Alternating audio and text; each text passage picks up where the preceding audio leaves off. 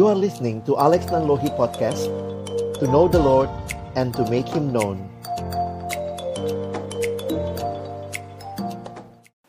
Mari sebelum kita membaca merenungkan firman Tuhan kita berdoa. Biarlah pujian ini menyatakan permohonan kami. Berbicaralah ya Tuhan Karena kami anak-anakmu sedia mendengarnya. Waktu kami membuka firman-Mu, bukalah juga hati kami Jadikanlah hati kami seperti tanah yang baik, supaya ketika benih firman Tuhan ditaburkan boleh sungguh-sungguh berakar, bertumbuh, dan juga berbuah nyata di dalam hidup kami. Tuhan tolong kami mengalami kebenaran demi kebenaran firman-Mu. Firman yang kudus dan yang menguduskan hidup kami. Firman yang memberikan kepada kami pengertian demi pengertian firman yang tidak berubah, tapi firman yang kami percaya sanggup mengubah hidup kami. Itulah yang kami rindukan kembali menjadi bagian setiap kami yang ada di dalam room Zoom meeting kali ini. Menyerahkan waktu ke depan, Tuhan yang memimpin di dalam satu nama yang kudus, nama Tuhan kami Yesus Kristus. Kami menyerahkan pemberitaan firman-Mu. Amin. Shalom, selamat sore teman-teman sekalian. Saya bersyukur kepada Tuhan kesempatan seperti ini menjadi selalu uh, pengingat ya bahwa Allah yang setia dialah yang meneruskan pekerjaannya. Uh, dalam beberapa tahap pergumulan waktu mau jadi alumni baru, meninggalkan kampus FISIP, dulu sempat bergumul ya. Biasalah itu pergumulan banyak tim rek banyak uh, alumni baru mantan pengurus yang rasanya aduh gimana nanti ya kalau saya udah nggak ada di kampus? Gimana nanti berjalannya? Bagaimana anak-anak nih kayaknya menurun begitu ya. Pergumulan setiap kita kadang uh, se seolah-olah pelayanan ini bergantung pada kita ya. Tapi ketika melihat lagi bahwa ini udah tahun yang kesekian ya, bagaimana Tuhan berkarya terus memelihara PO Visip via saya makin menyadari bahwa memang kita ini cuma alat-alat Tuhan. Tentu alat yang harusnya juga meresponi kesempatan ini dengan baik ya. Jadi teman-teman saya beri judul pengutusan kita hari ini bagi Injil bagi hidup. Um, saya ingin menegaskan uh, apa yang mungkin merangkum kali ya apa yang kita sudah pelajari dalam pergumulan yang juga saya uh, pernah alami dan juga terus uh, hidupi saat ini ya. Tidak mudah ternyata bagi Injil bagi hidup itu. Oke nah ini kita semua tadi ya. Sementara kita bersyukur kepada Tuhan. Nah saya mulai dengan um, bagan ini ya. Di dalam kita mengerti tentang kelompok kecil kelompok kecil yang kualitas dan kontinu, sebenarnya ada tiga faktor yang berpengaruh. Ya, tentu kehadiran Tuhan itu pasti ya. Tetapi kan Tuhan bekerja di dalam proses waktu, di dalam penyerahan diri kita dan penyerahan diri orang-orang yang mau kita pimpin nantinya. Nah, jadi saya melihat dalam konteks itu maka PKK AKK dan proses berkaka ini yang mungkin akan terus jadi uh, perjuangan kita. Jadi kalau kita bilang bagaimana di kelom di kampus kita ini ada ada kelompok kecil yang bagus, yang berkualitas dan terus continue ya, ada prinsip murid yang memuridkan terus terjadi, maka tiga hal ini yang biasanya kita evaluasi, kita pikirkan, kita gumulkan. Pertama, PKK-nya seperti apa? Ya, tentu uh, harus harusnya PKK-nya baik dong ya gitu ya. Karena beberapa kali saya juga lihat PKK-nya bagus tapi pas dapatnya ada kelompok kecil yang nggak serius dibina. Jadi PKK yang baik dapat AKK nggak baik ya itu juga sedih ya. Nah di sisi yang lain ada kadang-kadang AKK-nya yang bagus gitu ya. Mungkin sudah dibina di SMA, sudah dibina dalam keluarga yang baik, di, di gereja yang baik. Eh PKK-nya di kampus yang ternyata asal-asalan. Nah, bisa begitu ya. Atau bisa jadi mungkin secara kualitas di atas kertas PKK-nya bagus gitu ya. AKK-nya juga baik gitu, anak-anak yang luar biasa. Tapi proses berkelompok kecilnya, nah ini juga jadi pergumulan ya. uh, ternyata naik turun begitu. Satu semester ketemu cuma satu kali, jadi proses berkakaknya itu bicara masalah frekuensi, itu bicara masalah bahan yang dipakai. Jadi poin saya adalah ternyata memang tidak mudah memperjuangkan uh, pemuridan secara khusus dalam konteks kita adalah kelompok kecil. Teman-teman adalah calon-calon pemimpin kelompok kecil berarti ya calon PKK ya.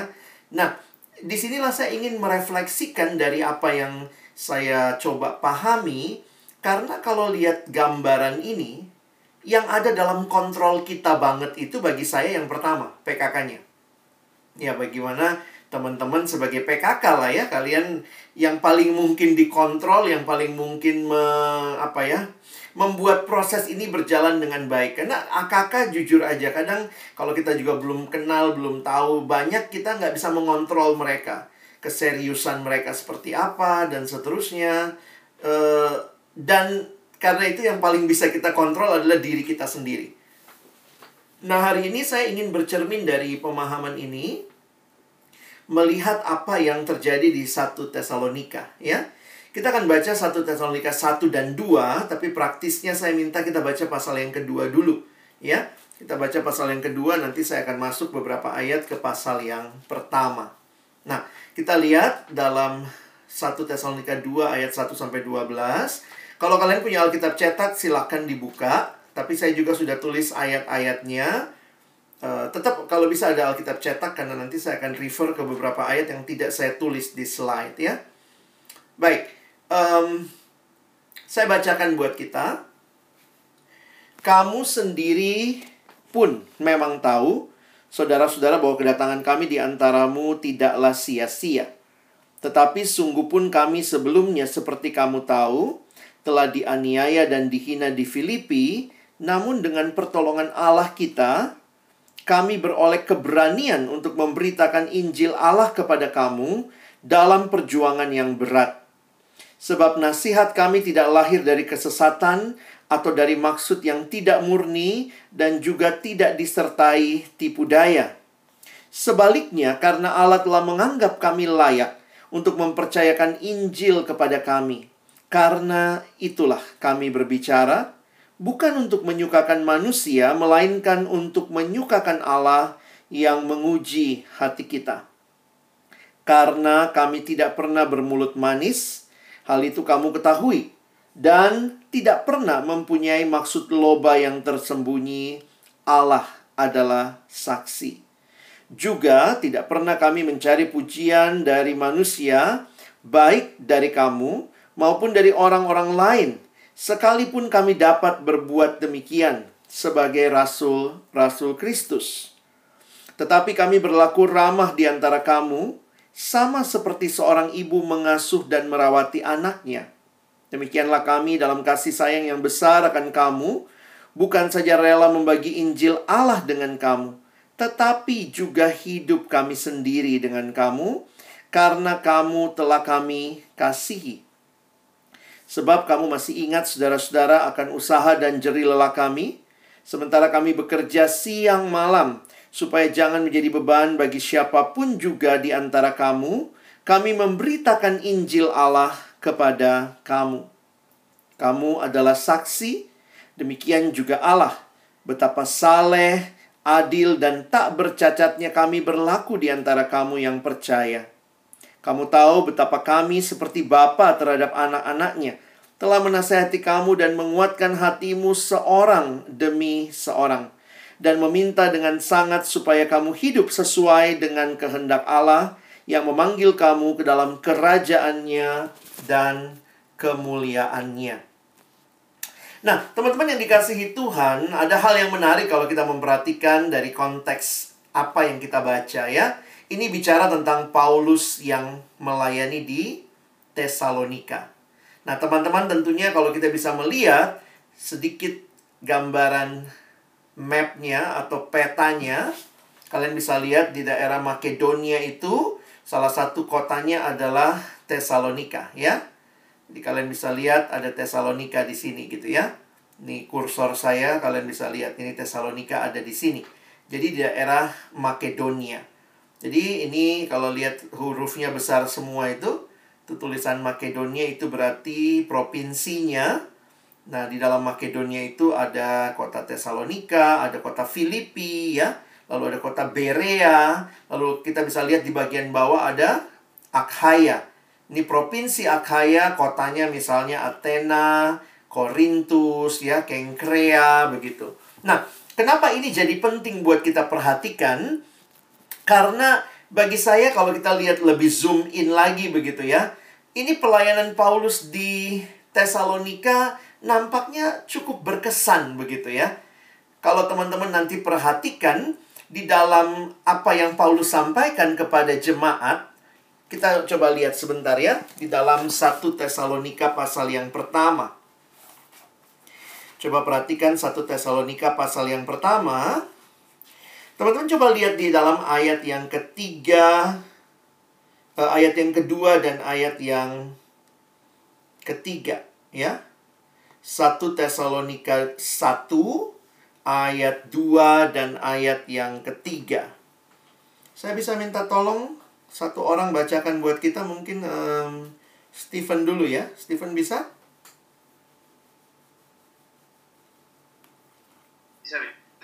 bisa. 1 Tesalonika 1 ya. Hmm, 2 dan 3. Yang pertama, kami selalu mengucap syukur kepada Allah karena kamu semua dan menyebut kamu dalam doa kami Sebab kami selalu mengingat pekerjaan imanmu, usaha kasihmu, dan ketekunan pengharapanmu kepada Tuhan kita Yesus Kristus di hadapan Allah dan Bapa kita. Oke, okay, thank you ya. Jadi teman-teman perhatikan sebentar kalau kita lihat dari konteks ini, bagi saya ini adalah hal yang unik ya dalam kebiasaan Paulus memberikan pemahaman terhadap uh, jemaat yang bertumbuh itu kayak apa ya. Jadi bayangannya jemaat yang ideal itu kayak apa? Nah, saya pikir tiga hal yang sering muncul dalam tulisan Paulus, triloginya Paulus ini menarik nih, ya. Pekerjaan imanmu, usaha kasihmu, dan ketekunan pengharapanmu. Nah, Teman-teman, di banyak suratnya, kalau kalian perhatikan, Paulus biasanya di awal surat dalam bagian pujian syukur kepada Allah, Paulus biasanya menyatakan tiga hal ini. Dan doa-doa Paulus pun biasanya berkaitan dengan tiga hal ini. Supaya kasihmu makin melimpah, supaya kamu makin teguh dalam iman, begitu ya. Nah, hal yang menarik yang saya perhatikan di satu Tesalonika, tiga-tiganya muncul dan tiga-tiganya nampaknya dipuji iman, kasih, dan juga pengharapan. Kalau bicara iman, ini kaitannya dengan keyakinan kepercayaan pada Kristus dan karyanya. Kepada Allah yang telah mengutus Kristus. Bicara kasih, ini bicara horizontal. Relasi dengan saudara seiman secara lebih khusus. Dan bicara pengharapan, ini bicara masa depan jadi waktu saya memperhatikan kalau ditanya ya teman-teman misalnya, kerinduanmu apa sih mimpin kelompok kecil? Apa yang kamu rindukan terjadi di dalam diri orang yang kamu pimpin? Saya pikir Paulus memberikan deskripsi yang menarik begitu ya. Pekerjaan iman, usaha kasih, ketekunan pengharapan.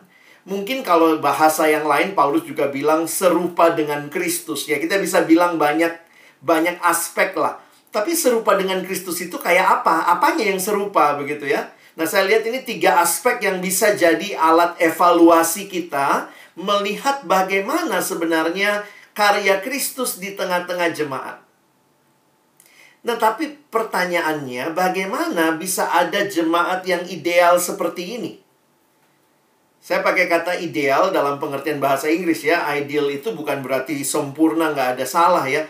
Tapi model jemaat yang model seperti ini nih gimana menghasilkannya ya?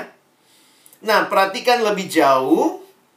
Coba kita lihat di ayat yang keempat dan ayat yang kelima dari 1 Tesalonika 1 ayat yang keempat dan ayat yang kelima. Saya minta tolong kesediaan Daniel bisa tolong bacain?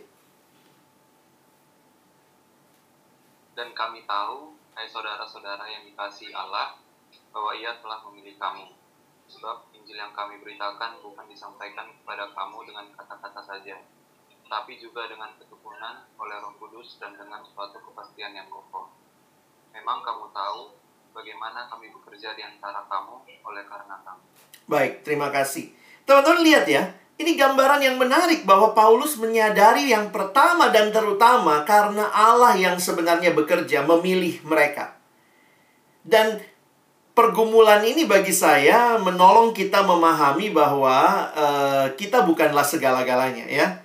Jadi jangan sampai kita lupa diri sebagai orang yang menjadi pemimpin kelompok kecil ya kita cuma hamba sebenarnya ya. E, di satu sisi kita melihat bahwa Tuhan berkenan memakai kita aja udah luar biasa sebenarnya. Tuhan meresikokan pekerjaannya yang luar biasa ini kepada kita yang ya nggak taat-taat amat, yang masih jatuh dalam dosa, yang masih bergumul dengan keakuan kita. Tapi di sinilah kita melihat keyakinan bahwa Allah yang memilih, lalu kemudian dia menyatakan di ayat 5 tadi yang Daniel baca, bukan disampaikan dengan kata-kata saja, tapi juga dengan kekuatan oleh roh kudus. Nah teman-teman apa yang menarik? Karena kalau kita perhatikan jemaat yang ideal seperti ini, Allah memang bekerja luar biasa, Teman-teman coba lihat sebentar apa yang terjadi di kisah Rasul 17. Nah, kita jalan-jalan sebentar ke kisah Rasul 17 karena kalau kita mempelajari kitab Tesalonika, mau tidak mau kita buka kisah Rasul, ya. Karena kisah Rasul ini menolong kita melihat apa yang terjadi secara detail, ya. Coba lihat kisah Rasul 17.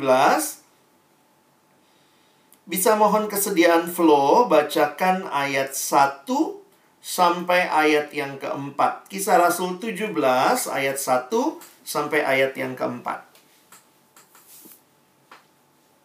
Rasul 17 ayat 1 sampai keempat. Paulus dan Silas mengambil jalan melalui Amphipolis dan Apolonia dan tiba di Tesalonika. Di situ ada sebuah rumah ibadat orang Yahudi. Seperti biasa, Paulus masuk ke rumah ibadat itu Tiga hari sabat berturut-turut ia membicarakan dengan mereka bagian-bagian dari kitab suci. Ia menerangkannya kepada mereka dan menunjukkan bahwa Mesias harus menderita dan bangkit dari antara orang lain. Lalu ia berkata, inilah Mesias, yaitu Yesus yang kuberitakan kepadamu. Beberapa orang dari mereka menjadi yakin dan menggabungkan diri dengan Paulus dan Silas, dan juga sejumlah besar orang Yunani yang takut kepada Allah dan tidak sedikit perempuan-perempuan terkemuka. Baik, terima kasih. Berapa lama Paulus ada di Tesalonika? Kalau lihat catatan ini, hanya tiga minggu. Karena tiga hari sabat berturut-turut. Jadi jujur aja kalau lihat ini, saya juga mikir-mikir gitu ya. Wow, ini kalau bukan pekerjaan Allah luar biasa ya. Bayangkan pembinaannya tiga minggu, jemaatnya jadi jemaat yang ideal. Karena cerita selanjutnya, mulai dari ayat yang kelima ke bawah dalam kisah Rasul 17, Paulus harus pergi karena orang-orang yang kemudian uh, menentang dia di sana banyak yang tidak suka dia pakai preman pasar itu ya. Kisah Rasul 17 ayat 5 ke bawah ada orang-orang Yahudi yang iri hati dan dengan dibantu oleh beberapa penjahat dari antara petualang-petualang di pasar. Jadi ini preman pasar ikutan begitu ya. Sehingga akhirnya Paulus harus pergi meninggalkan Tesalonika. Jadi memang nggak mudah kalau kita perhatikan situasi yang ada. Ya, uh, tapi perhatikan, sekarang kita balik lagi ya, kembali ke satu Tesalonika.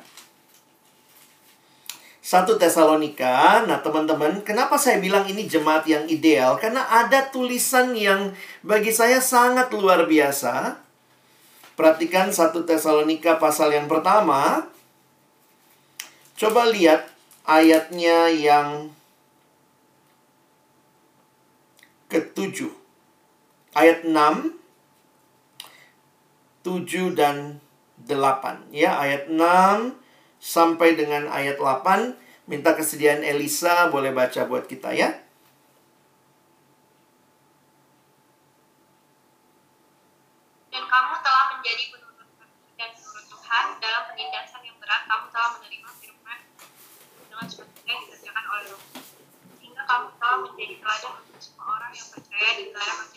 dunia di akal ya karena dari antara kamu bukan hanya di ke dunia akar ya saja tetapi di semua tempat telah tersedia kabar tentang iman kepada Allah sehingga kami tidak usah mengatakan apa-apa tentang hal ini terima kasih Nah, teman-teman lihat ya. Bayangkan ini jemaat TOP BGT gitu ya, top banget gitu. Karena kalian lihat di dalam ayat yang ke-6 tadi, kamu menerima firman, lalu ayat 7, kamu telah menjadi teladan untuk semua orang percaya di wilayah Makedonia. Masih ingat tadi? Kota Tesalonika berada di wilayah provinsi Makedonia. Jadi ini bukan jemaat jago kandang hanya di kotanya top. Tapi bahkan di seluruh Makedonia itu rekomendasi yang Paulus bilang. Bahkan bukan hanya di Makedonia sampai ke provinsi tetangga. Provinsi apa? Akhaya. Yang mana ada kota Korintus, ada kota Athena. Dan bukan cuma itu. Bagi saya ini Paulus pasti nggak sedang exaggerating ya. Perhatikan ayat 8. Karena dari kamu, dari antara kamu, firman Tuhan bergema bukan hanya di Makedonia dan Akhaya saja, tetapi di semua tempat telah tersiar kabar tentang imanmu kepada Allah. Di semua tempat loh, sedunia. Kita rekonstruksi lagi ya. Bayangkan, jemaat dilayani tiga minggu, kok bisa luar biasa teladannya dalam iman, dalam kasih, dalam pengharapan. Pengen juga kita kayak begitu ya. Jadi saya harus katakan yang pertama dan terutama yang ditunjukkan dalam ayat-ayat ini jelas itu pekerjaan Allah. Jelas banget itu pekerjaan Allah. Ini bukan semata-mata pekerjaan manusia. Itu pasti pekerjaan Allah. Tapi ya wilayahnya Allah ya udah itu memang pekerjaannya Allah. Tetapi kadang-kadang kita jadi lupa bahwa ternyata Tuhan juga bekerja di dalam sejarah, di dalam pelayanan pakai manusia. Nah, jadi sekarang saya mau angkat sisi itunya. Jangan lupakan Allah, tapi perhatikan juga sisi manusianya, sisi pelayannya. Seperti refleksi kita di awal. PKK-nya juga yang ada dalam kontrol kita karena itu diri kita harus benar-benar meresponi anugerah Allah itu dengan baik. Nah, perhatikan lagi ayat yang kelima. Kadang-kadang kalau baca ayat yang kelima, kita jadi berat sebelah. Ayat lima mengatakan, Sebab Injil yang kami beritakan bukan disampaikan kepada kamu dengan kata-kata saja, tapi juga dengan kekuatan roh kudus. Kadang-kadang kita hanya fokus, ini roh kudus bekerja, maka memang luar biasa terjadi. Tapi jangan lupa loh, Paulus harus menyusun kata-kata. Itu kan dia bilang ya. Jadi walaupun dia bilang Injil yang kami beritakan bukan disampaikan kepada kamu dengan kata-kata saja, tapi kan tetap harus ada kata-kata yang disusun. Nah, jadi di sini saya pikir Paulus sadar betul bagian Allah, tapi ada bagian dia. Perhatikan ayat yang ke-6 dan kamu telah menjadi penurut kami dan penurut Tuhan. Be the imitators of us, jadi penurut kami. Jadi teman-teman waktu saya memperhatikan hal ini, saya melihat di dalam pelayanan yang ideal, menghasilkan jemaat yang ideal, maka kita perlu melihat satu sisi kuasa Allah, tapi di sisi lain lihatlah juga bagaimana meresponi kuasa Allah itu khususnya bagi pelayan-pelayan Tuhan. Karena itu saya mau masuk lebih jauh mengajak kita melihat ya makanya Abang bilang ini seperti merangkum lah ya apa yang kalian pelajari dalam pembinaan CPKK ini. Bagaimana sikap kita? Saya memberikan uh, judulnya lebih kepada bagi Injil bagi hidup Poin saya sebenarnya karakter apa yang perlu kita bangun di dalam kita bisa melayani dengan baik, meresponi kuasa Allah, kuasa Roh Kudus yang benar-benar luar biasa itu ya. Nah, kita akan lihat satu Tesalonika 2-nya. Saya bagi tiga ya. Kita akan bicara V MS. Kita akan lihat ayat 1 sampai 2. Kita akan lihat visi. Yang kedua kita lihat ayat 3 sampai 6. Kita akan bicara motivasi. Dan kita akan melihat ayat yang ke-7 sampai 12 secara umum. Kita akan melihat strategi. Poinnya adalah bagaimana meresponi anugerah Allah, karakter apa yang perlu kita bangun. Nah, saya ingin mengajak kita perhatikan tiga hal ini. Ya, kita lihat yang pertama, visi ayat 1 dan ayat yang kedua. Teman-teman, perhatikan sebentar di ayat 1 dan ayat yang kedua. Uh, Kalex ingin kita lihat yang saya buat dalam warna merah di situ. Perhatikan bagaimana Paulus berbicara kepada jemaat. Kamu sendiri pun memang tahu, saudara-saudara, bahwa kedatangan kami di antaramu tidaklah sia-sia. Teman-teman, kalau lihat ceritanya, kadang-kadang kita pikir, ya bener nggak sia-sia nggak sih? Cuman tiga minggu gitu ya. Waktu Paulus menyaksikan apa yang dia lakukan, dia bisa bilang begini nih, tidaklah sia-sia. Dari Filipi tadinya, makanya dia bilang di ayat 2, Sungguh pun kami sebelumnya seperti kamu tahu telah dianiaya dan dihina di Filipi. Saya harus ingatkan kepada kita, sering kali kita saat ini terjebak di dalam pelayanan-pelayanan yang besar, kelihatan besar. Apalagi kita suka numpang ngetop. Ketika pelayanannya kelihatan besar, kitanya pun rasanya kelihatan jadi besar. Tapi kalau lihat pelayanan Paulus, apa sih yang menggerakkan dia? Nah, di sinilah saya melihat yang indah. Saya pakai istilah kita hari ini ya, yang menggerakkan Paulus bagi abang adalah visi. Kalau kita lihat pelayanan hanya berdasarkan hasil, saya pikir Paulus orang yang pelayanannya itu sangat tidak tidak terlalu indah lah rekornya. Pelayanan di Filipi, eh masuk penjara, ya dan perhatikan apa yang terjadi di penjara Filipi, ya. Coba kita buka kisah Rasul 16. Jadi sebelum kisah Rasul 17 ada cerita kisah Rasul 16. Coba teman-teman perhatikan ayat 22. kisah Rasul 16 ayat 22 saya bacain. Juga orang banyak bangkit menentang mereka jadi bayangkan tiap kali pelayanan deh ada yang bangkit menentang.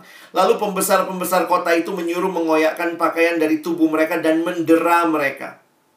Ayat ini singkat sekali ditulis mendera mereka. Tapi sebenarnya apa sih mendera itu? Pada konteks zaman itu dipukul. Dan mendera itu ada yang bahkan mengatakan itu mirip seperti yang Yesus alami, itu flogging bahwa dipukul begitu rupa dengan cambuk Romawi yang tajam begitu dan orang biasanya itu udah setengah mati itu ya mengalami itu. Kita nggak tahu persis seperti apa, tapi yang namanya didera mau model apa pun itu dipukulin pasti lebam-lebam, ya. Jadi saya membayangkan ini loh yang Paulus alami. Jadi ayat 23. Setelah mereka berkali-kali didera, bukan cuma sekali. Mereka dilemparkan ke dalam penjara. Kepala penjara diperintahkan untuk menjaga mereka dengan sungguh-sungguh. Perhatikan ini ya, ini VVIP. Very, very important prisoner. Dari mana buktinya? Ayat 24. Sesuai dengan perintah itu, kepala penjara memasukkan mereka ke ruang penjara yang paling tengah. Jadi ini VVIP ya, ditaruh di paling tengah. Terus dibelenggu lagi. Dan membelenggu kaki mereka dalam pasungan yang kuat. Jadi nggak mungkin lah lolos. Lalu kemudian, tetapi kira-kira tengah malam Paulus dan Silas berdoa dan menyanyikan puji-pujian kepada Allah dan orang-orang hukuman lain mendengarkan mereka. Jadi ini bukan nyanyi dalam hati ya. Nyanyinya bersuara, makanya yang lain dengar. Saya kalau ketemu Paulus juga pengen nanya dulu nyanyi nyanyi lagu apa sih di Filipi gitu ya. Nyanyi lagu apa tuh yang bikin gempa bumi ya? Lihat ayat berikutnya. Akan tetapi ayat 26 Terjadilah gempa bumi yang hebat, sehingga sendi-sendi penjara itu goyah, dan seketika itu juga terbukalah semua pintu dan terlepaslah belenggu mereka semua. Ketika kepala penjara itu terjaga dari tidurnya dan melihat pintu-pintu penjara terbuka, ia menghunus pedangnya hendak membunuh diri. Karena ia menyangka bahwa orang-orang hukuman itu telah melarikan diri. Perhatikan 28. Tapi Paulus berseru dengan suara nyaring katanya, "Jangan celakakan dirimu, sebab kami semuanya masih ada di sini." Kepala penjara itu menyuruh membawa suluh, lalu berlari masuk dan dengan gemetar tersungkurlah ia di depan Paulus dan Silas. 30. Ia mengantar mereka keluar sambil berkata, Tuan, Tuan, apakah yang harus aku perbuat supaya aku selamat? Wah, ini poin kabar baik masuk. 31.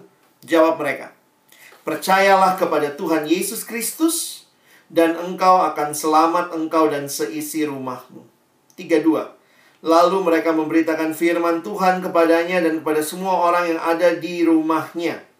Pada jam itu juga kepala penjara itu membawa mereka dan nah ini bagi saya menarik nih. Dan membasuh bilur mereka. Berarti benar-benar dipukulin ya. Ada bilurnya. Bilur itu bekas luka lebamnya itu. Seketika itu juga ia dan keluarganya memberi diri dibaptis. Teman-teman, lepas dari penjara Filipi, Orang kalau lebam itu berapa lama sih baru hilang ya? Mungkin kalau mikir-mikir, ya kalau dipukulnya sakit banget ya mungkin ya bisa tiga minggu, sebulan baru hilang lebamnya ya. Jadi Paulus masuk penjara bukan karena kesalahan dia, tapi karena dia memberitakan Injil lalu merugikan orang yang punya uh, hamba perempuan itu ya. Dia masuk penjara di Filipi, lalu kemudian dia keluar penjara. Kalau kita lihat ceritanya, Akhirnya dia keluar penjara lalu kemudian disuruh pindah ke daerah lain karena mereka takut dia ternyata orang Romawi, mereka sudah masukkan penjara tanpa mengadili dia. Nah, apa yang terjadi? Bagi saya yang menarik adalah perhatikan. Pada waktu itu, Paulus keluar penjara lanjut ke Tesalonika. Sebenarnya kan gini ya teman-teman ya. Coba bayangkan kalau kamu keluar penjara ya. Di itu di, di penjara tuh sebelum masuk penjara dipukulin abis nih badan begitu ya. Pengennya kan pulang ya, pulang, ngaso, tunggu dulu lebam-lebamnya selesai gitu ya. Tapi saya saya mencoba menafsirkan kisah Rasul 17 ayat 1. Coba perhatikan. Paulus dan Silas, nah ini kalau kita pakai konteks sebelumnya, Paulus dan Silas yang masih lebam-lebam itu mengambil jalan melalui Amphipolis dan Apolonia dan tiba di Tesalonika. Ngapain? Beritakan Injil lagi. Baru saja di Filipi. Masuk penjara gara-gara memberitakan Injil. Pindah kota lagi. Beritakan Injil lagi. Gelo ini. Benar-benar gila kalau mau kita pikir ya lebam-lebamnya mungkin belum hilang, pastilah belum hilang, sudah pindah lagi memberitakan Injil. Kalau yang menggerakkan Paulus adalah program, kalau yang menggerakkan Paulus adalah hasil berapa yang merespon, saya pikir Paulus pasti udah pulang ya. Tapi inilah orang yang digerakkan oleh visi sehingga orang yang digerakkan oleh visi bisa bilang tidak sia-sia. Apa ukurannya tidak sia-sia? Ya. Teman-teman waktu saya menghayati ukuran tidak sia-sia bukan sekadar berapa banyak orang yang bertobat. Tentu itu kita rindukan ya. Tapi ukuran pelayan Tuhan yang tidak sia-sia adalah apakah kita telah benar-benar melakukan tugas panggilan yang kita terima dari Tuhan. Visi mengingatkan kita ini bukan pelayanan berdasarkan program. Ini bukan teman-teman tidak diutus oleh tim rek. Kalian tidak diutus oleh PK kamu, tidak diutus oleh alumni. Kalian diutus oleh Tuhan yang kasih visi. Kalau kamu bertahan, kamu bayar harga, kiranya itu karena visi. Visi yang menggerakkan kita untuk membayar harga demi hidup sesama. Ada lagu yang diciptakan Bapak Mangapul Sagala dengan kalimat itu. Rela membayar harga demi hidup sesama. Serahkan diri, beritakan Injilnya. Yang menggerakkan kita biarlah visi Allah sendiri. Kalau tidak, sebenarnya kita gampang sekali mundur. Lihat AKK nggak respon, mundur. Lihat AKK nggak maju-maju, mundur gitu ya. Aduh, kadang-kadang kalau saya pikir jadi Tuhan Yesus tuh PKK frustasi ya. Bayangkan sampai ngajarin begitu lama sama muridnya, eh pas dia ditangkap muridnya lari. Kalau yang menggerakkan pelayanan kita cuma hasil ya, yang menggerakkan pelayanan kita cuma ya converting dari orang-orang yang mungkin ayo jangan lupa ya, ayo semangat ya. Tapi visi inilah yang harusnya menggerakkan kita. Dan kalau visi yang menggerakkan kita, maka pasti akan terlihat perbedaannya. Kita bukan menolak hasil, kalau ada hasil puji Tuhan. Tapi bukan hasil yang membuat kita mau terus melayani. Tapi ketaatan kita, relasi kita dengan Tuhan menggerakkan kita. Saya rindu yang ada di FISIP bukan PKK-PKK yang digerakkan sekadar oleh program. Ada programnya lakukan, nggak ada program udah nggak lakukan. Saya suka berpikir ya kadang-kadang begini. Kalau nggak ada training CPKK begini ya, masih ada nggak ya orang yang mau jadi PKK di FISIP ya? Kalian jadi PKK karena training ini, atau kalian jadi PKK karena kalian sadar betul setelah saya kenal Tuhan, saya rindu. Bukan cuma saya yang kenal Tuhan, saya rindu orang lain kenal Tuhan. Training ini cuma memperlengkapi. Jujur aja kadang abang sedih kalau tahu bahwa ternyata Uh, makanya dulu agak beda ya, beda konsep ya. Kalau uh, zaman kami sama zaman kalian, kami waktu itu harus jelas dulu mau jadi PKK baru di training. Karena bukan training itu yang membuat kamu jadi PKK. Kamu jadi PKK karena kamu dibina dalam kakak yang baik. Jadi kalau sekarang kan agak beda ya. Sambil di training ditanya, e, gimana, makin jelas nggak, mau jadi PKK nggak? Jadi sebenarnya banyak yang ikut training tuh nggak mau jadi PKK, tapi ya dipaksa-paksa atau diapain gitu ya. Ya syukurnya sih akhirnya mau juga memberi diri ya. Karena mungkin makin melihat, makin jelas. Tapi harusnya kalau tidak ada training, masih ada nggak sih PKK di visit? Saya rindu kalian menghasilkan orang-orang yang melihat dengan jelas visi Allah. Dan akhirnya ada training, nggak ada training, orang-orang akan memberi diri untuk generasi yang baru. Mereka butuh kenal Tuhan. Saya sudah kenal Tuhan. Saya akan rindu memperkenalkan Tuhan kepada generasi selanjutnya. Awal ada PKK divisi, kalau kita balik ke titik nol ya, kayak Pertamina, mulai dari nol ya. Kapan ya ada PKK divisi ya? Karena ada training? Enggak sih. Ketika ada alumni-alumni yang dibina, Lalu mereka dibina dalam kelompok kecil, mereka pulang ke FISIP merindukan, ih aku udah nikmatin, aku pingin temanku nikmatin. Gak ada training waktu itu. Awal-awal kalau dengar cerita tahun 79, tahun 78, mulai dari Rawamangun, lalu beberapa orang ikut kelompok kecil dengan Bang, Bang Mangapul Sagala, dibina. Mereka pulang menjadi PKK karena kerinduan. Bukan karena ada training gitu ya. Jadi sekali lagi jangan membuat training ini menggantikan visi Allah yang harusnya kamu nikmati karena kamu telah mengalami Allah dan dibina dan dibangun di dalam Tuhan selama ini. Paulus jelas sekali yang menggerakkan dia bukan sekadar program. Karena nggak ada program juga waktu itu ya. Kalau kalian lihat kisah Rasul 16 itu programnya Allah. Relasi Paulus dengan Tuhan. Akhirnya dia mendapatkan penglihatan mereka harus pergi ke Makedonia. Dan ternyata di sana Tuhan sudah sediakan orang-orang yang akan percaya. Mari jadi orang-orang yang diutus mengerjakan visinya Allah. Yang kedua, motivasi. Wow, kalau udah bicara motivasi panjang lagi ya. Tapi secara singkat, kalian lihat ayat 3 sampai dengan ayat yang ke-6. Apa motivasi? Teman-teman, ini tricky banget ya. Karena kita gampang sekali memuji-muji diri. Atau di sisi lain, kalau kita nggak muji-muji diri, gampang sekali jadi minder.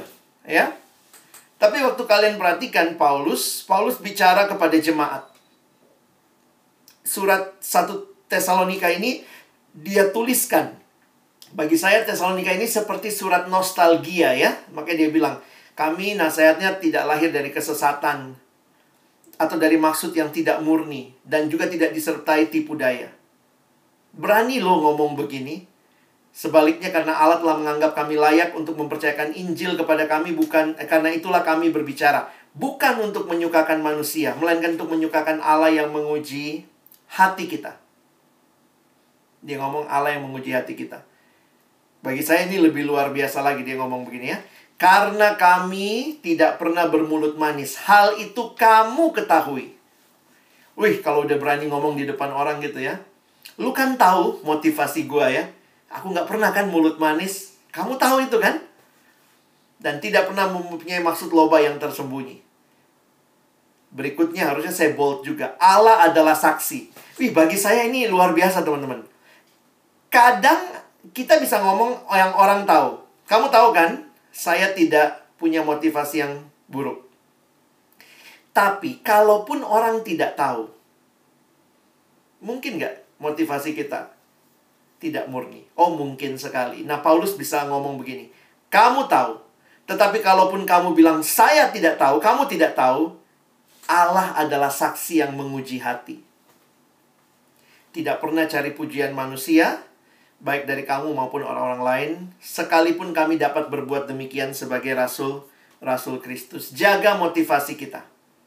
Sebenarnya yang paling paling paling menjadi apa ya, supporter utama diri kita adalah diri kita sendiri.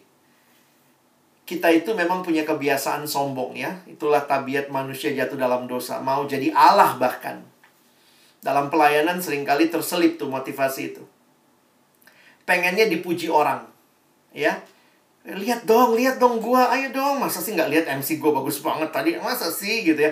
Kita bisa begitu rupa. Lihat dong kelompok kecilku kan lebih bagus dari kelompok kecil dia. Lihat anak-anakku nih hebat banget semua. Kita bisa begitu rupa dengan kerendahan hati gaya papan loncat. Sok merendah supaya makin tinggi naiknya. Dan saya melihat ini yang Paulus sampaikan bukan hanya di hadapan manusia dia berani bilang, "Kamu tahu motivasiku."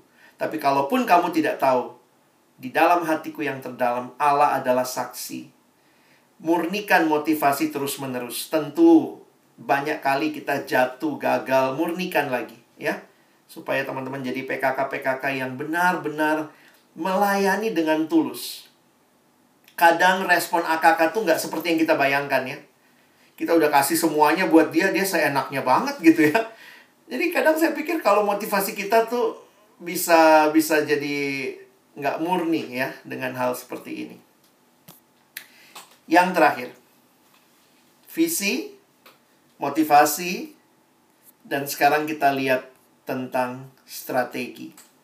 Nah apa yang menarik dari strategi ini saya melihat visi dari Allah, motivasi yang murni yang Paulus miliki, tetapi juga dia bicara strategi. Strategi yang dia bicarakan, saya garis bawahi aja langsung ayat 7. Seorang ibu mengasuh dan merawati anaknya. Seumur-umur tuh Paulus kan nggak pernah jadi cewek ya. Paulus kan laki ya. Tapi dia pakai gambaran-gambaran ibu ya. Dan bagi saya ini gambaran yang menarik. Uh, di Galatia bahkan Paulus bilangnya apa? Paulus bilang di Galatia seperti orang yang sakit melahirkan, seperti perempuan yang sakit melahirkan untuk jemaat. Jadi dia bisa ngomong ya perempuan yang sakit melahirkan memang Paulus pernah melahirkan. Tapi gambaran itu memang gambaran perjuangan hidup dan mati begitu ya. Jadi itu gambaran yang Paulus pakai. Lalu kemudian nanti kalian lihat lagi di ayat yang ke-11 dia pakai gambaran bapak. Kalau tadi gambarannya ibu lebih banyak kelembutan, bahkan juga sebenarnya ada kalimat ya. Coba lihat itu di dalam ayat yang uh, ke-8. Bukan saja rela membagi Injil Allah dengan kamu, tetapi hidup kami sendiri dengan kamu. Karena kamu telah kami kasihi. Lalu gambaran ayah adalah gambaran yang memberi teladan, nasihat, menguatkan hati seorang demi seorang. Makanya saya kadang-kadang bawa ayat ini buat kelompok kecil karena bagi saya ini Paulus lagi bicara seorang demi seorang. Nampaknya yang dia sharingkan adalah pengalamannya menggembalakan jemaat seorang demi seorang. Tiga minggu, apa yang Paulus lakukan ya? Hasil penggalian arkeologis kota Tesalonika menunjukkan pada waktu itu banyak ruko, rumah toko. Jadi di bawahnya orang bisa buka usaha, di atasnya dia tinggal. Kalau lihat catatan ini, mungkin sekali Paulus tinggal di ruko. Makanya dia bilang kami tidak jadi beban bagi siapa pun. Paulus mungkin melakukan pekerjaannya sebagai orang yang biasa bikin tenda. Tapi kemudian dia juga buka rumahnya mungkin buat jemaat sehingga dia bisa lakukan ini. Menguatkan hatimu seorang demi seorang. Tiga minggu yang luar biasa. Seorang pelayan yang punya visi dari Allah. Motivasi yang murni dan strategi yang jelas. Paulus bukan cuma pembicara hebat, pasti dia juga bagus membicarakan firman Tuhan. Tapi saya melihat Paulus orang yang punya perhatian pribadi ke pribadi. Lihat nanti di Kolose muncul juga kata tiap-tiap orang. Tiap-tiap orang. Teman-teman, kadang kita bicara PKK, gambaran yang paling sering muncul itu gambaran gembala dan domba. Tapi saya ingin mengajak kita lihat juga perspektif yang lain, ini gambaran ayah dan ibu, gambaran orang tua. Jujur, banyak dari kita kan tidak punya pengalaman menggembalakan domba. Tapi pasti semua kita punya orang tua. Tentu tidak ada yang sempurna. Tetapi kita bisa membayangkan, makanya saya sekarang biasanya kalau ngomong sama PKK, coba jadi orang tua buat anak-anak yang kamu layani. Ini salah satu strategi yang bisa kalian pakai. Orang tua itu akan berjuang. Dan sebenarnya di situlah kita lihat ya. Bagi Injil, bagi hidup. Saya tutup dengan satu kisah pengalaman seorang teman. Apa artinya jadi orang tua? Saya karena belum punya anak, jadi saya belum paham bagaimana situasi yang benar, yang real. Saya pernah dengar, saya pernah tahu, tapi saya belum alami langsung. Jadi ketika teman saya cerita, ini salah satu yang berkesan buat saya mengerti apa artinya jadi orang tua. Jadi ada satu teman staff kami, ketika anaknya lahir, ternyata anaknya lahir itu prematur. Ternyata prematur 7 bulan dianggap lebih baik daripada prematur 8 bulan. Anaknya prematur 8 bulan dan ternyata ada beberapa bagian tubuh yang biasanya prematur 8 bulan itu tidak sempurna atau belum bertumbuh maksimal. Tujuh bulan malah di biasanya lebih lebih baik. Jadi ketika anak ini lahir, uh, ketika kami besuk datang gitu ya, lalu teman saya bilang tolong doakan. Ternyata langit-langit mulutnya di atas mulutnya langit-langit itu nggak tertutup rapat, teman-teman ya. Wih kaget juga tuh. Jadi kita bilang gimana tuh pengobatannya? Dia bilang, dokter bilangnya begini. Usahakan tetap bisa minum susu dengan baik. Nanti kalau dia tetap bisa minum dengan baik, asupan gizinya cukup, itu otomatis nutup sendiri. Langit-langit itu. Tapi, kalau tidak cukup gizinya, maka di bulan berikutnya, kalau tidak mencapai berat badannya, jadi itu kalau bayi kan ada berat badannya harus naik ya kalau nggak mencapai berat badannya, nggak nutup, maka maaf harus operasi ambil misalnya dari paha, diambil ditutup ke atas.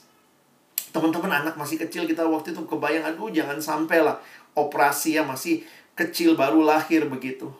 Jadi apa yang teman saya lakukan? Ya kan gampangnya suruh minum susu kan? Tapi teman-teman jangan lupa, itulah pergumulannya. Karena langit-langitnya nggak nutup, setiap kali anak itu uh, minum susu itu keluar lagi dari hidung ya karena atasnya langit-langitnya kebuka ya. Jadi harus ada posisi yang pas supaya benar-benar itu masuk ke kerongkongan tidak naik ke rongga mulut dan keluar lagi dari hidung. Lalu yang terjadilah di situ teman saya ceritalah perjuangan mereka lah ya. Kadang-kadang dia sama istrinya namanya juga baru jadi orang tua Capek, mesti balik anak, bolak-balik Gimana posisi yang pas supaya anak itu bisa minum Dan tidak tersedak, tidak keluar dari hidung Kadang-kadang dia mesti balik anaknya Kadang istrinya yang ambil posisi bagaimana Jadi teman saya suaminya juga harus berjuang begitu Dan dia bilang terima kasih buat dukungan doa kami karena di bulan berikutnya Tuhan jawab doa anak ini cukup berat badannya dan benar ternyata makin lama makin nutup sendiri. Tapi waktu saya merenungkan yang saya refleksikan adalah strateginya loh orang tua ini loh bapak dan ibu supaya anaknya bisa minum susu teman-teman. Wow, saya lihat di situ itu perjuangan dia buat sedemikian rupa supaya anak ini bisa bertumbuh. Dan saya jadi mikir gitu ya, gambaran ini real. Ketika kita lihat ada orang tua yang punya anak, biasanya anak kecil kan susah makan ya. Ada mama-mama yang rela jadi helikopter yang ngeng, ayo buka mulutnya ngeng, am gitu ya. Ada mama-mama yang rela jadi jet tempur. Ada pokoknya ada berbagai hal yang dilakukan supaya anaknya mau minum, mau makan. Ketika sakit, kasih yang tulus. Dan saya lagi berpikir gitu ya.